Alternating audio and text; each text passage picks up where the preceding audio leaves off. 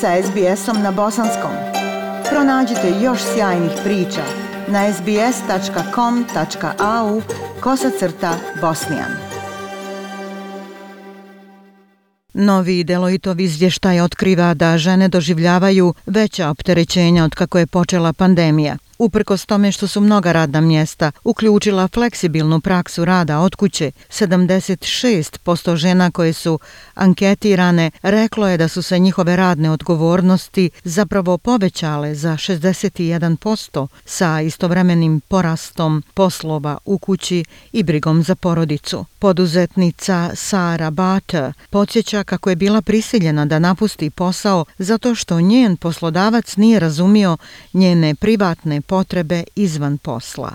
Trying to work out what you're going to have for dinner, uh, get everyone settled and get homework done just seemed to me impossible when working a 38-hour week in an office. Pokušavajući pripremiti večeru i osigurati da svi budu zbrinuti, dok istovremeno završavam radne obaveze, jednostavno mi se činilo nemogućim. Novi izvještaj pokazuje da se od početka pandemije ravnoteža između posla i privatnih obaveza poremetila. Claire Hardin je strateški direktor kompanije Deloitte Australia. Women are doing more work and they're doing more household home related management style work. Žene rade puno više. Ako se uzme u obzir da upravljaju domaćinstvom pored radnih obaveza i ono što mi vidimo je da prednosti fleksibilnosti rada od kuće mogu također biti i njene mane.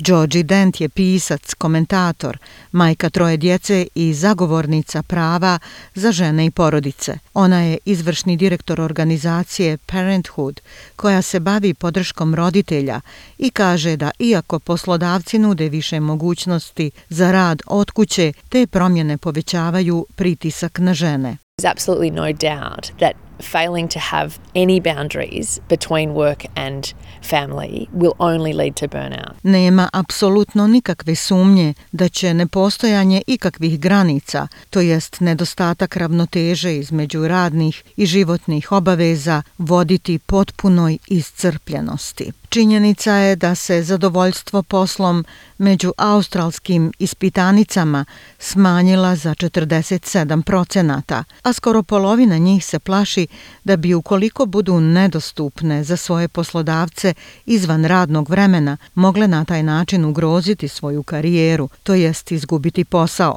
Nešto manje od 60% ispitanica razmatra mogućnost napuštanja njihovih poslodavaca u iduće dvije godine, a njih 23% želi se u potpunosti povući sa tržišta rada. Samo 43% ispitanica vjeruje da im je njihov poslodavac ponudio dovoljno podrške tokom pandemije.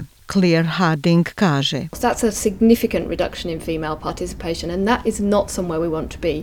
To je značajno smanjenje u sudjelovanju radnica, a to je nešto što mi ne želimo. Mi želimo da budemo u situaciji da budemo u rodnoj ravnopravnosti kada izađemo iz pandemije, kada se privredno oporavimo. Georgie Dent kaže da smanjenje učestvovanja žena na tržištu rada pokazuje da nema poboljšanja ravnoteže između privatnih i radnih obaveza. And that's really problematic because we know that women in Australia were struggling. To je zaista um, problem zato što su se Australke borile da zadrže balans između posla i kuće i prije početka pandemije. Analitičari kažu da su radna mjesta vođena rodnom ravnopravnošću, pa ipak iskustvo pokazuje da je ženama drugačije. 4% ispitanica jedne globalne ankete koje su bile zadovoljne svojim poslodavcem pokazale su za 70% viši stepen zadovoljstva poslom. Claire Harding kaže. So it's really important for employers to help women in the workforce to think about Veoma je važno da poslodavci pomognu ženama na tržištu rada na način da poštuju njihove granice, odnosno da istaknu jasno razgraničenje između privatnih i poslovnih obaveza. Georgie Dent kaže da fleksibilan rad sam po sebi nije dovoljan. So it's not good enough to offer flexible work arrangements if employees aren't having any support. Ako žene nemaju nikakvu podršku, onda ni fleksibilan rad nije dobro rješenje. Sara Barter bi željela da vidi da više žena počnu razmišljati na drugačiji način. It is quite easy to set up your own business these days and there are many advantages to Puno je lakše pokrenuti svoj vlastiti posao ovih dana i ima puno više prednosti biti sam svoj gazda. Ja mislim da su mnoge majke počele to shvatati, pa će poslodavci morati više učiniti da bi zadržali svoje talentovane radnice. Poslodavci koji se ne mogu prilagoditi ovim izazovima mogu se suočiti sa značajnim gubicima. Ja sam Aisha Hadži Ahmetović. Ostanite uz SBS radio. SBS na bosanskom. Podijelite naše priče preko Facebooka. Želite poslušati još ovakvih priča?